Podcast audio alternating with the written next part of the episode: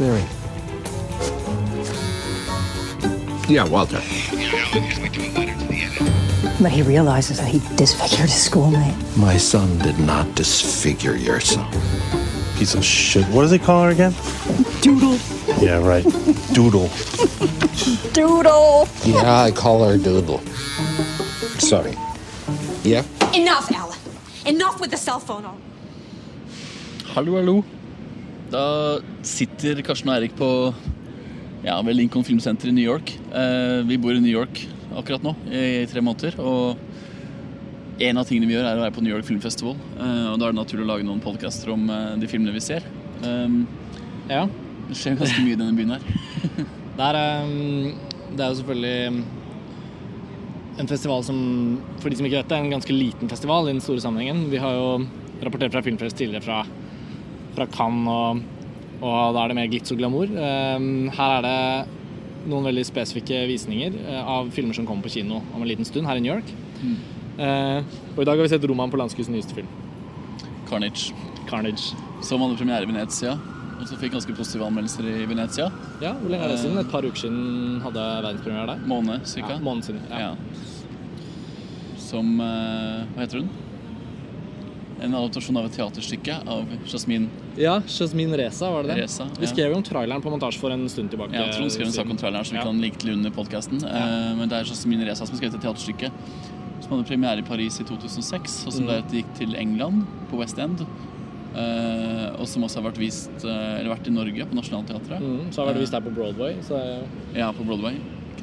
Uh, fikk masse Tony-nominasjoner i USA, gjorde det veldig veldig bra. Måtte utvides og var en kjempesuksess. Og nå har også da Roman Polanski sammen med denne Jasmina Reza skrevet et manus til en filmversjon med John G. Reilly og Jodie Foster som det ene ekteparet, og Kate Winslet og Christopher Waltz som det andre ekteparet.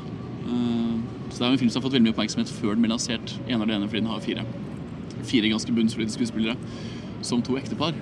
eh, I som et slags kammerspill. Eh, Så vi har sett akkurat nå. Så vi tenkte vi skulle bare, som vi kan, så har vi gått rett ut av kinosalen og satt oss ved siden av en mann som synger opera, som dere kanskje hører i bakgrunnen. Vi er jo på Lincoln Center, som har både opera og teater og kinoer, filmklubb Altså filmsenter. Det er veldig mange forskjellige ja. institusjoner rundt her. Så vi sitter i en liten park. Så hvis det er litt støy rundt oss, håper jeg at dere likevel får med oss hva vi sier. Så vi tenkte vi skulle ta en sånn umiddelbar reaksjonsgjennomgang av Carnage, hva vi syns om filmen. Vi vet ikke hva vi syns Nei, vi har ikke snakket om det Nei, vi har ikke Nei, vi har akkurat kommet ut av det. Det var jo en um, sånn, Karsten kan begynne. Ja, hva skal jeg Det var en veldig eh, bra, bra visning. Det er jo et helt nytt filmsenter som vi så filmen på, så vi satt i sånn supertighte stoler, og, og det var, eh, var veldig god stemning. Um, det er veldig sånn, altså Roman Polanski er jo litt tilbake i form på en eller annen måte, føler jeg i hvert fall. Etter, etter eh, Ghostwriter, som vi har skrevet Skyggen. mye om. Skyggen, som vi har skrevet mye om på montasje, og som veldig mange av oss likte veldig godt og hadde høyt på topplistene våre. Og, og nå har han en ny film bare ett og et halvt, to år etter. Det er jo ikke lenge siden Ghostwriter. Så man føler liksom at han er litt sånn i, i siget. Og jeg syns filmen sånn jevnt over, kort fortalt, så likte jeg den for den hadde den litt sånn fandenivoldske energien. Det var et eh, Det var et veldig sånn jeg visste ikke så mye om teaterstykket, bortsett fra at det var satt til liksom denne ene location, denne leiligheten. Eh, men jeg likte energien. Jeg likte skuespillere som fikk lov å virkelig liksom, ta tak i de figurene sine og ta det helt ut. Eh, den balanserer litt. Jeg vet ikke om den var liksom en innertier, men jeg, jeg jo, ble veldig revet med. Kort fortalt. Hva med deg? Ja, det første er jo, altså det morsomme er jo først og fremst at Roman Polanski nettopp virker, virker å være litt sånn tilbake ikke i form, men tilbake i liksom godt gammeldags landskap. Altså, 'Skyggen' var jo en veldig veldig god film som dessverre ble ganske undervurdert. Ikke av kritikerne, men av alle mulige prisutdelinger og osv. Eh, og så vi snakka om før hvilken film, så er det litt sånn tilbake til kammerspillet som Polanski på en måte kanskje, i hvert fall for meg, da, er liksom det, det morsomste han gjør, er når han går inn i eh, sånne veldig avklarte landskap og lager sånne kammerspill. Og grenser inn fortellingen til Ja, ikke sant? Og vi satt og oppsummerte i stad altså Knife in the Water, liksom, på seilbåten. Eh, Bitter Moon på cruiseskipet. Ja, I lugaren der med Ja, ja, ja. Pianisten i gettoen i Krakow. Mm. Ikke sant? Og selvfølgelig skyggen i dette fantastiske huset. Uh, og det er ingen som, ingen som gjør, i hvert fall i dag, da, som jobber i dag av filmskaperne, så er det ingen som gjør sånne kammerspill mer interessant enn Polanski. Og når han da attpåtil får med seg, for min del, da, som jo forguder Kate Winslet, når han Ja. får med seg fire så gode skuespillere, så, så blir jo på en måte det første ti minutter av filmen så sitter man på en måte bare og venner seg litt til at man faktisk bare går inn i en leilighet og skal forholde seg til fire skuespillere som skal spille fire karakterer. Og at man skal få muligheten til å bare se de hele tiden. Det klippes aldri bort. Det er liksom sånn, det er bare de fire skuespillerne. Det er ikke noen forstyrrelse, det er ikke noe musikk, det er ikke noe ekstravagant lyssatt. Det er bare helt vinduet. Sånn, Nei, altså det er bare noen sånn av 3D-animerte bilder av New York som er lagt på fordi filmen selvfølgelig er skutt i Paris, fordi Ja. Polanski jo ikke, ikke kan dra til USA. Men handlingen foregår i en Brooklyn-leilighet, like ved der vi faktisk bor i, her i New York. Ja.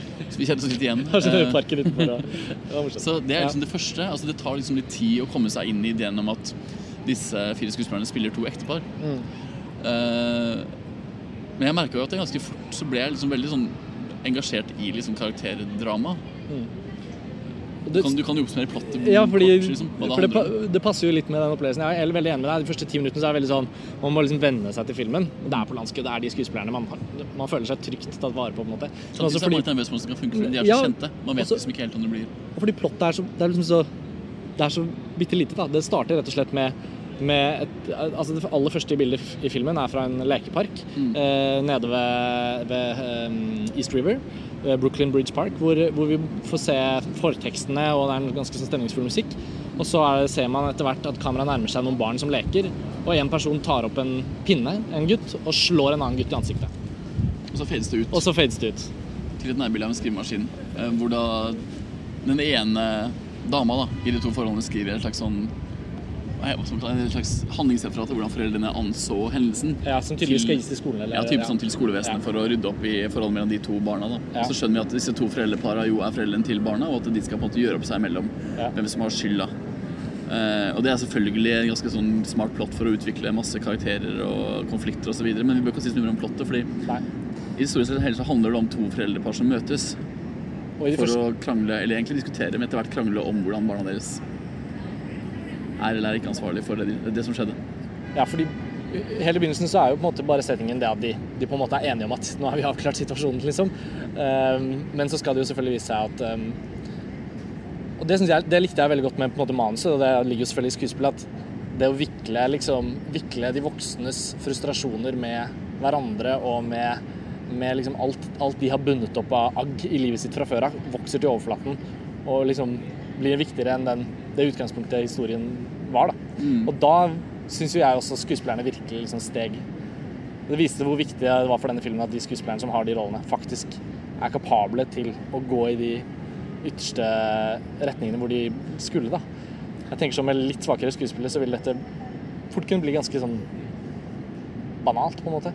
Ja, altså, eh, jeg vil jo faktisk si at Polanski på sitt verste kunne gjort det her veldig karikert og veldig B, liksom. Ja. Altså, nå lager jo Polanski uansett litt sånn B-aktige filmer, men han kunne jo kunne fort blitt ganske svulstig, f.eks. Det er en del scener som eh, er ganske sånn emosjonelle. Det er mye alkohol involvert. altså. Den på en måte, den kunne fort blitt en karikatur, da. Eh, på feil måte. Den er en karikatur, det kan vi snakke mer etterpå. Den er en karikatur. Ja. Og det er også en slags satire. Teaterstykket er jo en svart komedie Ja. Eh, i seg selv. Um, jeg har en følelse av at teaterstykket slutter på en annen måte. Vi skal ikke spoile slutten her og nå, men, men jeg har liksom følelsen av at det slutter annerledes i teaterstykket. Jeg husker ikke, jeg har ikke fått sjekka det opp. Men um, det er jo en svart komedie som i prinsippet handler om hvordan foreldre egentlig bare er eh, barn. Fordi barna blir veldig lite viktig. Altså det første, første akten så handler det om barna liksom, og forholdet til de to sønnene, men det merkes jo veldig fort at foreldrene bryr seg mye mer om seg selv, og ikke engang om parforholdet, men mye mer om sin egen karakter og sin egen iboende egoisme.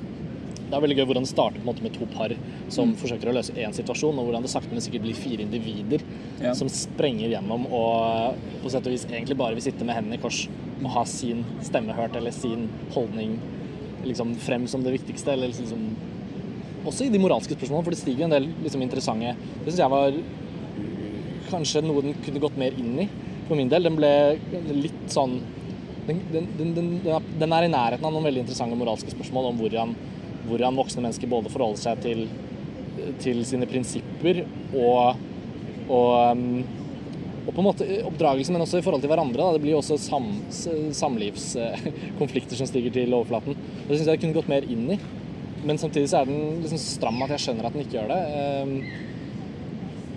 Men jeg vil jo faktisk påstå det motsatte. Jeg vil faktisk si at Det den gjør, er jo, det gjorde også teaterstykket, etter hva jeg skjønt. Altså den, jeg vil jo påstå at den faktisk viser hvor overfladisk og banale mange foreldre er. Den viser hvor overfladisk og banale veldig mange av våre såkalte moralske konflikter egentlig er. Altså, og det er nettopp det den parodierer ved å vise hvor overfladisk det er. Altså Den skummer fløten av det fordi den vil bare vise hvor eh, Altså hvor, liksom, hvor utrolig patetisk verdisyn eh, vår generasjon, da, pluss oppover, egentlig har. Altså, Jodie Fosters karakter har en sånn idé om at Afrika er et veldig spesielt sted, og hun leser kunstbøker om Afrika, og hun holder på med en slags mislykka bok om Afrika, og, og, og den demonstrerer til fulle liksom, det der overfladiske forholdet som den vestlige verden har overfor en del problemstillinger. Da. Eh, og det den eventuelt tar opp av moralske interessante spørsmål, er jo ikke i den er jo ikke i filmen. Det eneste interessante moralske det tar opp, er jo at den gjør narr av nettopp fraværet av ordentlig moral. Altså den parodierer foreldre. Jeg må si at Noe av det jeg likte best med den, jeg har jo ingen barn og jeg har vel ikke foreldre, er jo den derre eh, egoismen som jeg opplever veldig mange foreldre har overfor sine barn. Altså, jeg har blitt fortalt, og jeg opplever selv, liksom, jeg bor i en bakgård med veldig mye barn, jeg opplever at foreldre går fullstendig opp i sine egne barn og glemmer at barn er del av et kollektivt fellesskap. Da. Og det er det den på en måte gjør litt narr av. Altså, den, den viser at foreldre for det første er egoistiske overfor seg selv som person, og dernest parforholdet, og så overfor barna. Og at de mislykkes da, i det sosiale fellesskapet som foreldre. Uh, og det, Der treffer den, håper jeg, ganske hardt hos publikum. Jeg vet ikke om den lykkes med det, men jeg håper at den treffer en slags nerve. da. Kanskje mest i da Jodie Foster og John C. Reilly sitt parforhold som jeg syns kanskje er det kjedeligste parforholdet av de to. Det er også det, kanskje det kjipest spilte. Fordi, ja Det kan vi snakke om etterpå med skuespillerne. ja, ja, vi kan gå gjennom eh, men jeg syns det det der filmen er best, er når den tør å liksom gå, og, gå ut og si at foreldre i dag er bare eh, egoistiske unger, liksom. Uten spesielt bra verdisyn. De er bare, de har masse penger, de bor i Blokklund, liksom. De er ganske velstående. Altså sånn, det er jo en veldig sånn typisk middelklasseskildring av begge parene, egentlig. Og, og kritikken er jo virkelig treffende på, på det som, når man ser det på denne måten, fremstår som ekstremt banale eh, hensyn. Både liksom deres private individualistiske liksom ja, Altså sånn John C. Riley liksom, som skal liksom bare liksom Altså hans overgang fra å være den som alltid liksom Nei, nå, men nå må vi, nå må vi nå, Han er liksom enig med alle og har aldri står aldri opp for sin egen mening. Men når han først gjør det, så viser han på en måte en sånn ekstremt hensynsløs øh, holdning til utrolig banale verdier. Ja, han er jo ikke i kontakt med sin egen, sin egen temperament, f.eks. Altså, Nei, han, er? Han balanserer liksom sånn merkelig naivitet i forhold til både kone og sønn, sønn også, eller sønn og datter. Det er også en datter. Eh, og når han endelig liksom på en måte i, i andre akten, da, så liksom bare viser han akkurat det motsatte. At han er fullstendig ganske uintelligent og, og liksom lite gjennomtenkt. Han har ikke tatt seg tid til å analysere sin egen kone. Han har et sånn dårlig forhold til, til det meste, liksom. Eh, jeg synes, Vi kan ta skuespillerne. da, John Ja. C. Reilly. Jeg synes han er veldig god. Jeg er ganske litt lei av å se John C. Reilly spille sånn tafatt, stakkarslig, litt sånn tjukk mann. Ja. Nå har vi ikke sett det siden den perioden hvor han spilte i alle mulige filmer. En gang var han nominert for Chicago, han var med i Gangs of New York, og han spilte i alle mulige filmer. Altså Den siste filmen jeg har sett han i hvor han var litt, litt forfriskende annerledes, var faktisk den Cyrus. Um, hvor han fikk liksom på en eller annen måte Han er fremdeles en utrolig typete fyr. Han er, liksom, Han er veldig typete, og det passer litt han liksom sånn som han ser ut også. ja. Så han er, liksom, han er kanskje den av skuespillerne som Han er jo den minste stjernen. Han er den minst liksom, anerkjente skuespilleren av de fire. Ja. Han spiller kanskje den minst interessante karakteren, men han, han, han er veldig god, liksom. Og han er veldig god fordi han greier å spille av Jodie Foster, som kanskje er den av de fire som jeg har Enten så er det henne jeg liker best, eller så har jeg mest problemer med henne. Jeg greier ikke å bestemme meg. For jeg synes, altså, Tidvis så syns jeg hun var dritbra. Ja. Altså, hun hadde noe sånn komisk timing hvor karakteren absolutt ikke syntes ting var morsomt. Mm. Som, eh, som på en måte grenset over i å nesten tenke at jeg mener hun at det skal være morsomt. For det er jo hysterisk morsomt. Men det Ja. var liksom så fine linjer. Men på et eller annet tidspunkt så var jeg også veldig sånn at nå, nå går det over the top. Sånn at det blir tåpelig, og ikke, ikke med hensikt. da At hennes liksom, spill blir nesten så outrert. da At Hun har noe stemmer, hun er veldig sint. ja. Så jeg er jo enig med deg, jeg er litt på gjerdet, men tidvis var hun helt briljant. Mm. Uh, og det var også i sekvenser hvor, hvor teksten og de forskjellige karakterenes kollisjoner med hverandre var helt briljant. Altså, det var jo liksom noen minutter der som var bare helt sånn Det var sånn, sånn orkestrert liksom, kaos Ja. som funka veldig bra. Jeg syns jo, jeg synes jo Jodie Foster er veldig god. Hun sliter med én ting, og det er at hun Jodie Foster har aldri kledd nærbilder. Uh, fordi hun har så Han derre stramme Altså, Det er et eller annet som har skjedd med henne. Og så har hun veldig store øyne. ja. Eh, som hun på en eller annen måte har gjort Jeg vet ikke hva hun har gjort, ja, men det ser ut som hun har ja. Dette er ikke en samtale om Botox, men det har, et eller annet har skjedd der. Så hun kler ikke nærbildene. Ja, det blir liksom forstyrrende å se på henne. Og det er litt synd, fordi hun var veldig Altså Nattsvermeren, for eksempel. da. Jodie Fosters nærbilder der er jo helt legendariske. Og her blir det litt det motsatte. Samtidig, som du sier, det føles litt sånn outrert, og det føles litt sånn ubehagelig som publikummer å se på det. Og det er kanskje det som gjør at det funker, for det er en svart komedie. Ja. Det skal være litt ubehagelig å le av det. det, det balanserer noen prosent farse, noen prosent eh, sånn skikkelig sånn skarp satire. Ja. Selvfølgelig karakterene selv stopper jo bare, Med få unntak så stopper de aldri opp og syns noen ting er noe særlig morsomt. Akkurat Så det er jo det som Det blir ofte veldig gøy for oss hvor alvorlig de tar situasjoner som blir eh, radikalt tåpeligere etter hvert som det Ja, der er jo Christopher Waltz er jo den som har de mest komiske timingtingene. Han har jo en mobiltelefon som ringer til stadighet. Han er jo eh, advokat som har en eller annen stor sak som skal ut i media også. Så liksom telefonen hans ringer hele tiden og avbryter han midt i setninger. Og han, har på en måte, han er den eneste som har en slags gadget som gjør han til et komisk, eh, en komisk karakter. da. Ja. Bortsett fra Kate Winslet sin, sin ting som vi kan snakke om etterpå. Ja. Eh, men han har liksom en sånn gadget som er den mobiltelefonen som han har med seg hele tiden. Ja. Um, jeg synes på en måte Hvis Jodie Foster blir litt sånn karikert og vanskelig å definere om det er bra eller dårlig, så er han veldig sånn Det er jo hans første rolle Sånn type sånn karakterskuespillerrolle, liksom. Post Ja. In Inglorious Bastards Ja. Oscar-kavalkade. Hvor han ikke liksom spiller andre versjoner av Inglorious Bastards-karakteren. Ikke sant? Og han er, han er liksom skikkelig Han er en ganske skummel karakter her også. Mm. Men han er veldig god. Ja, Mye er- mer subtil, selvfølgelig, for det er jo en mer subtil film. Mye mer, ja, og det er en mye mer subtil uh, rolle som han spiller for til at spesielt Roddy Foster er så mye mer outrert. Altså han blir sånn, litt sånn rolig. Ja, heldigvis. Fordi jeg Eh, tror Han resignerer jo faktisk altså, på et tidspunkt. ja. Men han syns jeg eh, får ekstremt mye hjelp av Kate Winslet, som jeg syns er den av skuespillerne som Som kanskje greier å manøvrere karakteren sin mest i de små øyeblikkene. Ja. For det her er en film som Polanski orkestrerer veldig fjernt fra elegansen og det visuelle landskapet som var i skyggen, f.eks. Hvor det var altså, latterlig bra foto. Masse heftige lyssettinger som var ganske sånn Kanskje litt subtile, men samtidig ganske gjennomført.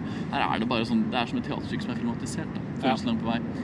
Kameraet stopper aldri, liksom. Det klippes hele tiden. Og det er liksom sånn det er nærbilde kontra store bilder hele tiden. Eh, og den som gjør det best i de små øyeblikkene, er Kate Winsett, Og det gjør at eh, Christopher Waltz sine øyeblikk, da, som er hennes motsats, for han er jo ektemannen, blir sterkere. De to er et bedre casta par, føler jeg, enn John C. Reilly og Jodie Foster.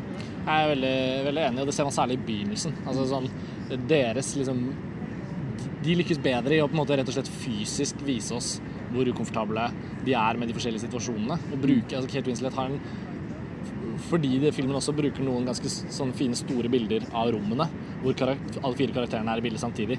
Og det er så opplagt at Kate Winslet anvender den anledningen, selv om hun bare er en del av bildet, til å uttrykke en veldig sånn tydelig fysikk Ja. på karakteren sin, som jeg synes var morsomt, særlig i begynnelsen, hvor hun delvis ønsket å gå og komme seg ut derfra, samtidig som hun man så liksom at hun hadde et par ting hun gjerne ville si. Og når hun ikke selv turte det, så var det liksom parcastingen hvor Waltz ble liksom buser ut med noe, og hun liksom slang seg på det, eller altså sånn, Deres dynamikk var egentlig bedre, og, også på, ma- altså, både på mannsplan og på Ja, men, jo, På castingen. men også fordi For det første så er det det paret som skal gå.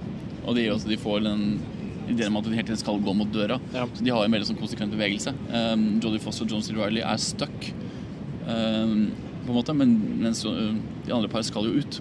Det er det ene. Det andre er at de, har, de er mye mer morsomt kostymert. Fordi uh, altså John C. Reilly og Jodie Foster har på seg helt sånn A4-klær. Ser ut som de har kjøpt på et eller annet sånn uh, batikk-butikk. Uh, hun har kjøpt klærne til han òg. Ja, Veldig sånn kjedelig.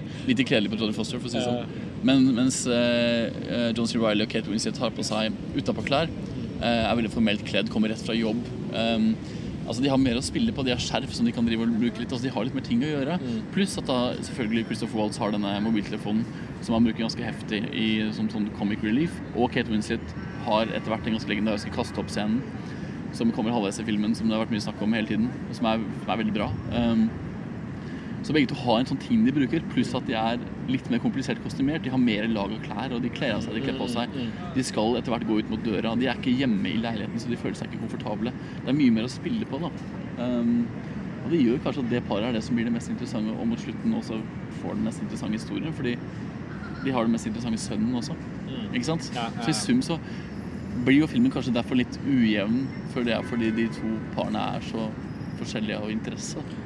Ja, også, og også fordi det etter hvert liksom Det tvinges jo frem et behov for filmen til å bruke noen andre rom i leiligheten og vise oss, vise oss karakterene separert fra hverandre. Det blir ikke liksom hele tiden den følelsen av at de fire står i det samme rommet. Og da blir det jo veldig mye tydeligere at deres, deres både samspill og ja, som du sa nå, altså rollefigurenes rett og slett posisjon i historien skaper eh, skaper mer interessante figurer. Ja. Eh, og de andre blir på en måte mer passive. Og egentlig også naknere. At det er lettere å se gjennom dem. Det er ikke like interessant å følge vennene i historien. Eh, sånn som hos Jodie Fosters karakter syns jeg hun er veldig lik gjennom hele filmen. Da. Det er, Ja. Hun har jo selvfølgelig opp og ned, hun òg, men hun blir liksom ikke en så spennende karakter, Ja. og. Og det er jo vendepunktet liksom inn i andre akten er jo en slags Altså det kommer en flaske whisky på bordet, og de begynner å drikke. um, som ligger litt i den der eh, ideen om at Altså det ligger litt i det der naive, banale Altså hvor patetisk og hvor barnslig er de egentlig da når de begynner å drikke. Altså De tåler liksom tre shot med whisky, og så er de fulle. Det som skjer da, er at vi eh, det, finnes ikke spoilere i filmen, så det er ingen vits å være redd for det. Men Kate Winston og Jodie Foster sine karakterer blir ganske fulle. Um, da blir det veldig tydelig hvem som er den gode skuespilleren, fordi Kate Winslet har jo spilt full før og fått, fått det veldig bra. Eh, da er det liksom borderline karikatur. Ja. Eh, men samtidig det er veldig morsomt. Folk lo veldig i salen. Jeg lo kanskje minst, følte jeg. Men da, men da syns jeg også hele filmen Da tar den, da følger Da har på en måte Polanski balansen. da. Han holder den balansen og sier at i takt med hva som skjer nå med disse karakterene, så skal også filmen løftes opp til en tydeligere karikatur. Da. karikatur det skal liksom bli skal liksom tegne skarpe hjørner. Ja. Eh, vi skal liksom Replikkene skal bli mye drøyere. Folk sier mer ting hva de har tenkt hele tiden. Mm. Uh, altså, og den, den liksom frem... Liksom oppskaleringen av dramaet på en eller annen måte, da. Syns Ja, jeg ble veldig Jeg syns den ble veldig fin. Jeg lo jo for så vidt mye Mye egentlig kanskje, Kanskje snøft, da. På midten. Noe for øvrig som i, i filmen Som- så er det å snøfte Ja, jeg som veldig uhøflig. Da ble jeg veldig flau. Det var en morsom scene.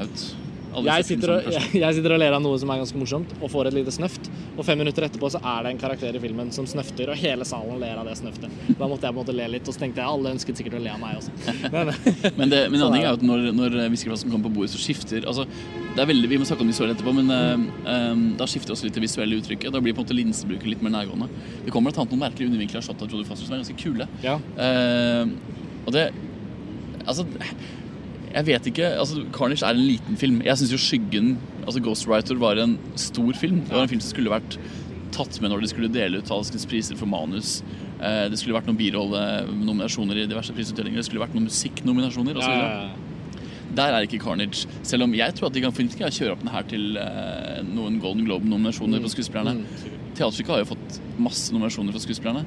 Det er godt mulig. Men sånn sett er det en liksom Woody Allen-aktig greie at birollene stikker av med noen nominasjoner fordi de var så solide eh, og de var så kule karakterer. Men det her er ikke skyggen. liksom. Det her er ikke en film for historiebøkene. Nei, Det er en liten, skikkelig Det er en liten film. Liten, Liten, liten ganske enkel film. Og, ja, det er litt kammerspill. Og det som er gøy med det, er jo at det morsomme med den blir mot slutten så blir det nettopp eh, attraksjonen det starta med. Fire gode skuespillere. Som det er interessant å bare kunne sitte og se på i 1 time og 20 minutter. Rett og slett. Um, Jodie Foster, Det er gøy å sitte og se Jodie Foster bare sitte med ryggen til på en puff. Mens Kate Winslet i nærbildet liksom er full og skriker. Liksom. Altså det er sånn det er gøy å studere Hvis man er, hvis man er, er interessert i skuespill, da, eh, og spesielt når da så store stjerner skal gjøre sånne roller som det her, så er det gøy å bare sitte og studere hvordan motreaksjonene funker. Jeg, satt, jeg merket at jeg satt veldig lite og så på den personen som førte dialogen. Jeg satt egentlig mer og så på motreaksjonene, og der igjen da, er det veldig gøy å se på de, hvem som blir de store skuespillerne, de som greier å være i scenen, selv om ikke de har kanskje nødvendigvis de store replikkene. Um, der var Christopher Waltz og Kate Winslet veldig gode. Altså. Ja, jeg tenkte på det da. Det var litt det jeg mente også i stedet da vi snakket om det med Kate Winslet. At,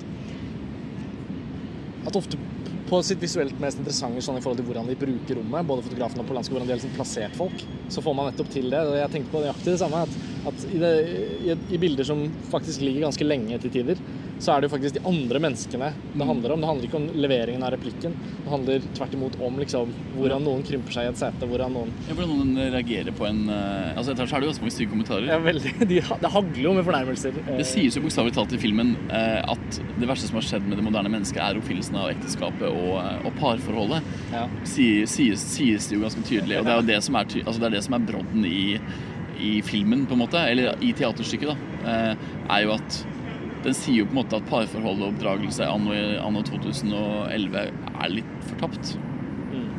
Og det, altså, spesielt for det ene paret, uten å snakke så mye om det. Uh, Ellers så, visuelt så er det en ganske enkel film, på en måte. Enkelt laget. Men det er liksom befriende også at ikke det er for stilisert. Det kunne på en måte ikke, det kunne ikke vært et sånt oppmerksomhetsskrikende liksom, foto som liksom prøver å være fikst og vise oss. Og det er liksom det er ikke noen montasjer, det er ikke noen liksom nærbilder av ting som ikke egentlig trengs å bruke nærbilder på. Det er, den er veldig sånn Den er helt straight forward. Ja. Eh, Alexandre Desplat, som skrev musikken til Skyggen, og som nå har blitt den store komponisten, han, han har skrevet liksom slags sånn ja, prolog- og epilogmusikk. Ja, det er jo ikke noe musikk underveis. Nei, som er veldig kul.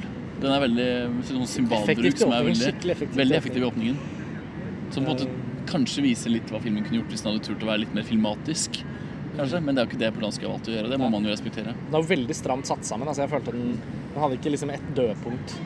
Uh, og selv når, og selv når uh, særlig da Christoph Waltz karakter havner på telefonen Mm. uh, og virkelig liksom ikke legger på, så utnytter jo Polanski det til å ta med oss de tre andre karakterenes reaksjoner.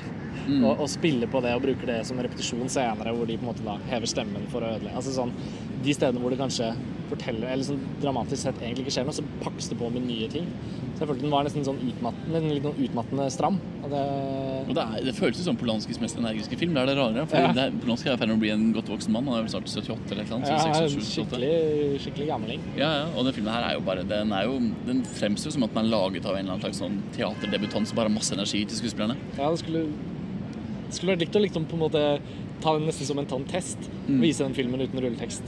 Ja. Og på en måte Hvem har laget denne på Eller liksom, Jeg tror det er veldig få som ville spottet at det var nesten 80 år gammel mann. Han virker så ekstremt vital. Det, det så vi allerede i Ghostwriter Skyggen. Ja, men da var det igjen, da, da var det igjen stilisert, elegant, Det var behagelig. nettopp. Pacing, ikke behagelig, for det var det ikke, men det var liksom Der var det en slags sånn urovekkende klassisk polanski thrillerfølelse som Nettopp, nettopp. vokste opp mot slutten. Nettopp. Sånn er det aldri i Carnage. Det er liksom det bare snap, snap, snap, snap hele tiden. liksom. Ja. Og det gjør at filmen føles litt som en actionfilm noen ganger. Jeg tenkte faktisk på Det er ikke noen spesiell referanse, men jeg tenkte litt på det bare fordi jeg så et par Billy Wilder-filmer før sommeren. Og det, det var filmer som, hvor, det, hvor det slo meg hvor vanvittig tight det kan være når, et, når replikkvekslinger og drama mellom mennesker i dialogbasert film, da, bare sånn tuk, tuk, tuk, tuk mellom det er- ja, ja. kan bli helt sånn Det kan jo bli veldig bra, og så kan det bli fryktelig Ja, ja. Og vi så opp i en Breakfast at Tiffany's av Blake Edwards, Ja, ja, ja. som Dag har skrevet en kodekør om på montasje. Eh, som også er en film som egentlig hovedsakelig er styrt av to ting. Eh, karakterene og dialogen. Filmen overordna er på en måte ikke interessant utover det. Eh, Carnage er jo ingen klassiker, på en måte. Men det er interessant i forhold til karrieren til skuespillerne. Og det er veldig interessant som prosjekt at noen går inn og gjør en sånn type film. Det, det, er, jo, det er jo veldig morsomt å se adaptasjoner av teaterstykker. Ja. Jeg mener Closer med Natalie Portman og Julia Roberts osv. Det var en film som tok det mye mer filmatisk.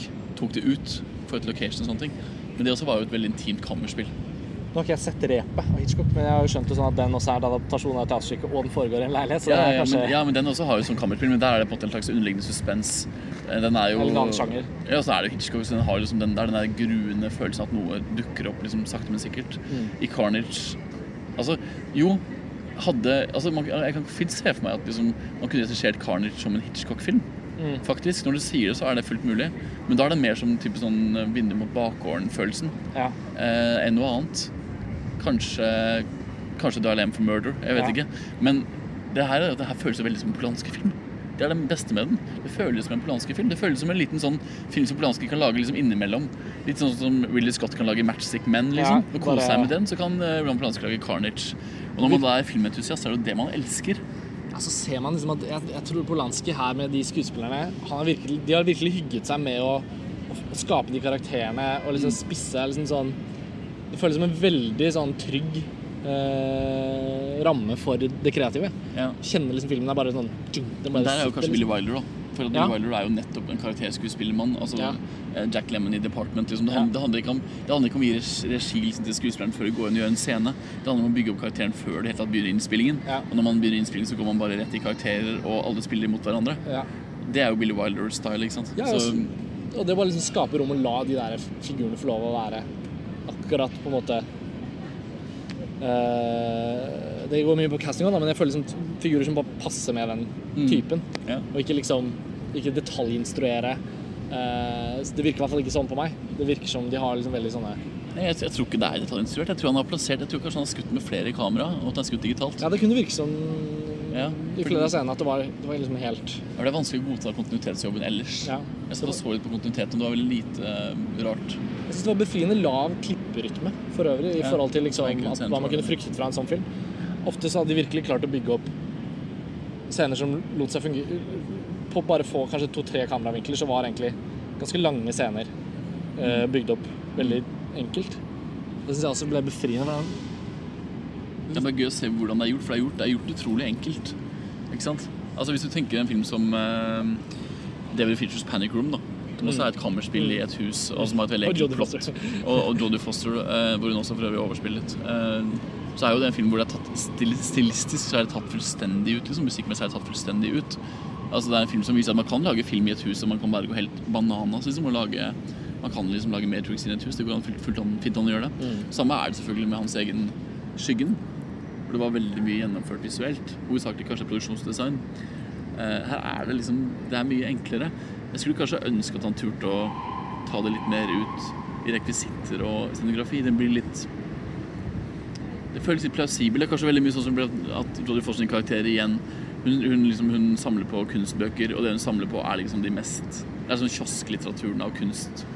Kunstnere, liksom, det er de opplagte tingene hun samler på. Det er ikke så veldig mye sofistikering ute og går i hennes ting. da Og Det Samme det veldig med John C. Reilly. Han har én bra whisky, liksom. Han har bra Ja. sigar, men det er hans ting, liksom. Ja. Um, Der, der syns jeg også det er veldig sånn vanvittig fin sånn typete menneskekritikk. Mm. sånn middelklassekritikk i sånne detaljer. da. Mm. Ja. Veldig gøy når Kate Winslet blar opp den kunstbøken med baconmalerier. Og de, hun blar liksom ikke på førstesiden og ser på hver side, hun blar opp på liksom tilfeldig side 120 og så har en kommentar. Cruelty Ja. and Splendor. Ja. Men det er jo, ja, det er jo en altså, lærebokbeskrivelsen av det. ikke sant? Så um, jeg vet ikke, hva den er, den er veldig veldig enkel. Jeg tror Hvis man går inn og forventer seg nettopp Hvis vi sammenligner med Mark Nichols Closer eller vi sammenligner med David Finchers Panic Room Ja. eller Hitchcock sine kammerspill, da, Ja. så, så er den jo langt ifra så sofistikert. Den er langt ifra så elegant. Dette er ikke skyggen liksom, av Roman. Polanski, men det er en interessant film for de som er interessert i skuespillere. Uh, bare, for meg så bare bekrefter den liksom hvor fantastisk digg Kate Winslet er som skuespiller. Jo, men hun, bare, hun er liksom så, Det er så kult å se på henne, for hun er så mye. Nå har vi sett henne både i Contagion og i, Ja. og i denne her. Hennes er, to eh, post-Oscar-roller. Ja. Og så har vi snakket om å se den Mildred Pierce, den TV-serien. Sett. Ja. Så hun er liksom interessant. Christopher ja, Waltz er en god skuespiller. Ja, og den er jo, altså, Jevnt over så er det jo en kjempe, altså, det er en vellykket film. Jeg Ja. føler liksom virkelig de treffer. Eh, Kommer til å gjøre det bedre enn Skyggen på kino. Ja, dessverre. Dessverre. Jo. Det er så synd på en måte at publikum ikke skjønte hvor bra Skyggen hadde vært for dem. Fordi den var så, ja, eller byrå, eller ja. Det er en lang diskusjon, men, men Carnage har jo det derre sånn umiddelbare og veldig sånn Den casten som en sånn helhet. Da, type sånn, hvis du ser for deg en plakat, så er det på en måte Det er vanskelig å finne en grunn til ikke ville se den, liksom. Mm. Den, den virker bare som en film man har lyst til å se. Ja, men Plakaten er jo oppsummerer for så vidt ganske godt filmen. Plakaten er jo alle fire karakterene med tre forskjellige ansikter. Litt sånn Andy. Warhol-inspirert. Ja. det altså Det visuelle uttrykket finnes ikke i filmen. Nei. Men det der med liksom de tre forskjellige uttrykkene som hver enkelt har, er på Ja. de tre forskjellige nivåene som er i Det er liksom de tre aktene egentlig også i, historien. Ja, men det er en utfordring, fordi filmen har på en måte ikke siste akt. Eh, det, det merker jeg at det er veldig sånn uggen over. Jeg, synes, Ja. jeg, jeg kan forstå at det har en effekt når teppet faller, liksom. Ja. På, I et teaterstykke. Ja. Men fade til svart på en kinolerret funker mye dårligere. Ikke den Ja, det forløsningen. litt sånn man, man sitter liksom der noen sekunder og tenker ja, eller hva? Var det ikke, Ja, var det ikke noe mer? Man, man forventer egentlig at det kommer en fade up. Det kommer også en fade up, men ikke til det man tror. Ja. Men man forventer at det kommer en fade up som er sånn type eh, fem timer senere. At liksom de ute på gata de går og tar en taxi og drar igjen, eller at de har sovna på sofaen, eller at det er en slags epil epilog, da. Så den føles litt uforløst sånn sett, men det er jo også litt av poenget. Den handler jo om parforhold som er uforløst. Nå blåser det Ja, veldig. da, nå, nå, nå tok det seg litt opp her i vindstyrke. Jeg håper ikke det blir for mye støy, men vi er vel egentlig Må det være å lage en kort, uh, presis oppsummering av Contagion. Nei, Contagion, Ja. faktisk. Det var en møkkafilm, det. Ja. Uh, Carnage. Den trenger vi ikke lage en podkast om. Se filmene med Kate Winslet. Men Carnage kommer jo helt sikkert på norske kinoer. Vi vet ikke helt når ennå, men den blir jo en del av Oscar-diskusjonen, helt sikkert. Ja. Så det er gode muligheter for at vi også kommer til å returnere til Carnage på den ene eller den andre måten. Mm. På montasje. Men for nå Da så var det legger vi på ja, vi, vi vi legger på for denne gang. Det er, um, det er hensikt å rapportere litt fra, fra New York når uh, muligheten byr seg. Nå har vi sett Carnage. Neste gang så er det kanskje noe annet. Uh, ja. Vi høres i en annen episode av Filmtekst. Adios. Ha det bra.